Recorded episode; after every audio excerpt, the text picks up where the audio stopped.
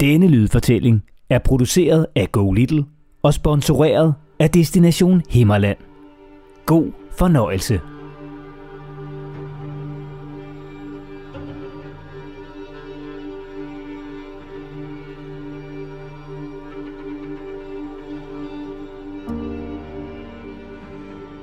Nu skal du høre historien om en af Danmarks mest berømte biskopper. Og det lyder måske kedeligt med en historie om en biskop. Men tro mig, den er langt fra kedelig.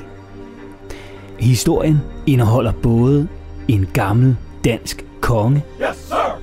drabelige halshugninger Uh. og ikke mindst masser af myter. Altså fortællinger, der måske er lidt for gode til at være sande.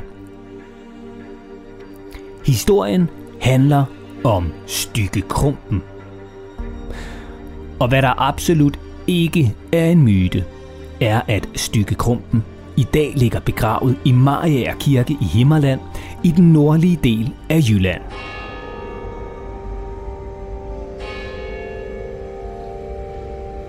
Her kan du nemlig se hans gravsten, hvis du besøger kirken med din familie. Og hvis du synes, at du har hørt om stykkekrumpen, eller stykkekrumpen før, ja, så er du altså ikke helt galt på den. Måske kan du huske, hvor du stødt på ham før. Det er noget med jul, og det er noget med fjernsynet. Stykkekrumpen er nemlig med i julekalenderen Ludvig og julemanden. Altså, jo ikke den rigtige Stykke Krumpen, for han er jo død, men øh, han er med i form af det onde spøgelse, der huserer på Børlum Kloster, hvor Ludvig og hans familie flytter ind. I julekalenderen gemmer vi til jul, men nu skal du til gengæld høre både den rigtige historie og myterne om Stykkekrumpen. Stykkekrumpen var en dansk biskop. Altså sådan en slags overpræst, der var chef for de andre præster. Og han levede for mere end 400 år siden.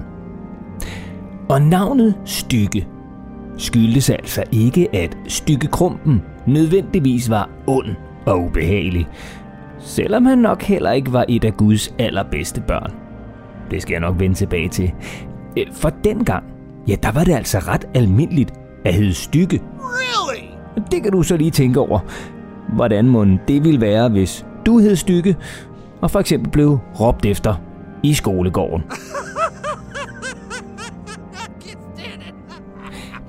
Stykke Krumpen blev angiveligt opkaldt efter sin morbror. Altså hans mors bror, som hed Nils Stykke Rosenkrantz. Nice! Og ud over at blive opkaldt efter sin morbror, så ville Stykke også være det samme som sin morbror. Stykke Krumpen drømte nemlig som lille dreng om at blive biskop. Ligesom du måske drømmer om at blive fodboldspiller, frisør eller professionel gamer. Stykke, han ville være biskop. Det blev han, og i 1519 blev han biskop af Børlum i Nordjylland.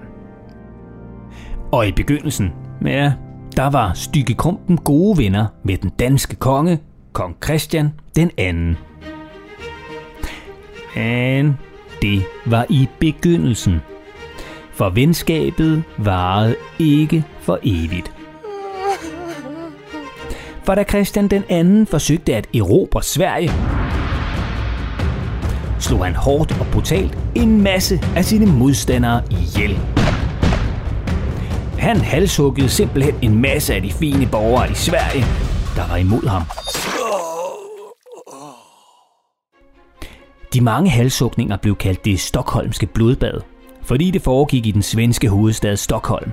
Og det blodbad gjorde stykke Krumpen rasende. Så få år efter var han med til at smide kong Christian den anden på porten og afsætte ham fra tronen. Farvel til ham. Og som jeg også begyndte med at fortælle, så knytter der sig en del myter til stykke Krumpen. En af dem handler om selv samme konge, Christian den anden. Eller måske nærmere om en lov, kongen lavede. For da Stykke Krumpen var biskop, var det nemlig sådan, at hvis et skib strandede ved kysten, altså for eksempel gik på grund, og der ingen overlevende var, ja, så fik biskoppen alt det, der var ombord på skibet. Altså alle skattene og guldet og alt det andet, der var i lastrummet. Den lov ændrede kongen, så det nu var ham, der fik alt, der var på det strandede skib. Alligevel går myten på, at stykke krumpen i nattens mulm og mørke red langs vandet med alle sine soldater. Med en lanterne, som skibene sejlede efter, så de sejlede på grund. Hvorefter stykke krumpen og hans soldater angreb skibet og slog besætningen ihjel, så de selv kunne få fingrene i skibets skatte. Ret vild myte, ikke? Ligesom den næste myte om stykke krumpen altså også er ret vild, og indeholder en kæmpe stor bageovn. Ja, sådan en ovn, man bager i. Myten går nemlig på, at da stykke krumpens hjem, herregården Vorgård, blev brændt ned, ja, så kravlede stykke krumpen ind i en stor bageovn, hvor han gemte sig for flammerne. Med sig inde i ovnen havde han sin kæreste, Elisabeth Gyldenstjerne. Og ved at gemme sig inde i bageovnen, så overlevede de branden på herregården. Men hvor meget sandhed der er i den myte, det tør jeg altså heller ikke love. Til gengæld tør jeg godt love, at du i dag kan besøge det sted, hvor Stykke Krumpen er begravet. Det er han nemlig i Mariager Kirke i Himmerland, i den nordlige del af Jylland. Stykke Krumpen selv ligger begravet på kirkegården, men hans gravsten kan du gå på jagt efter inde i kirken.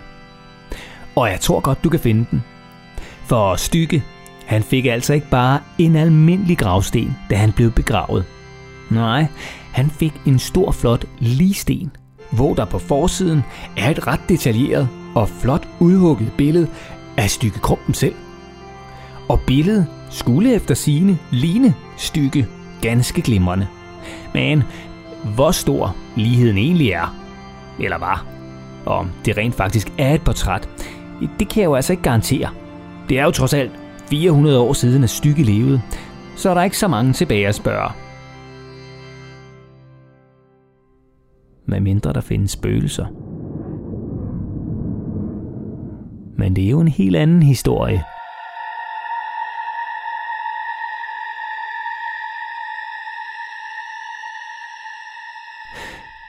Eller en myte.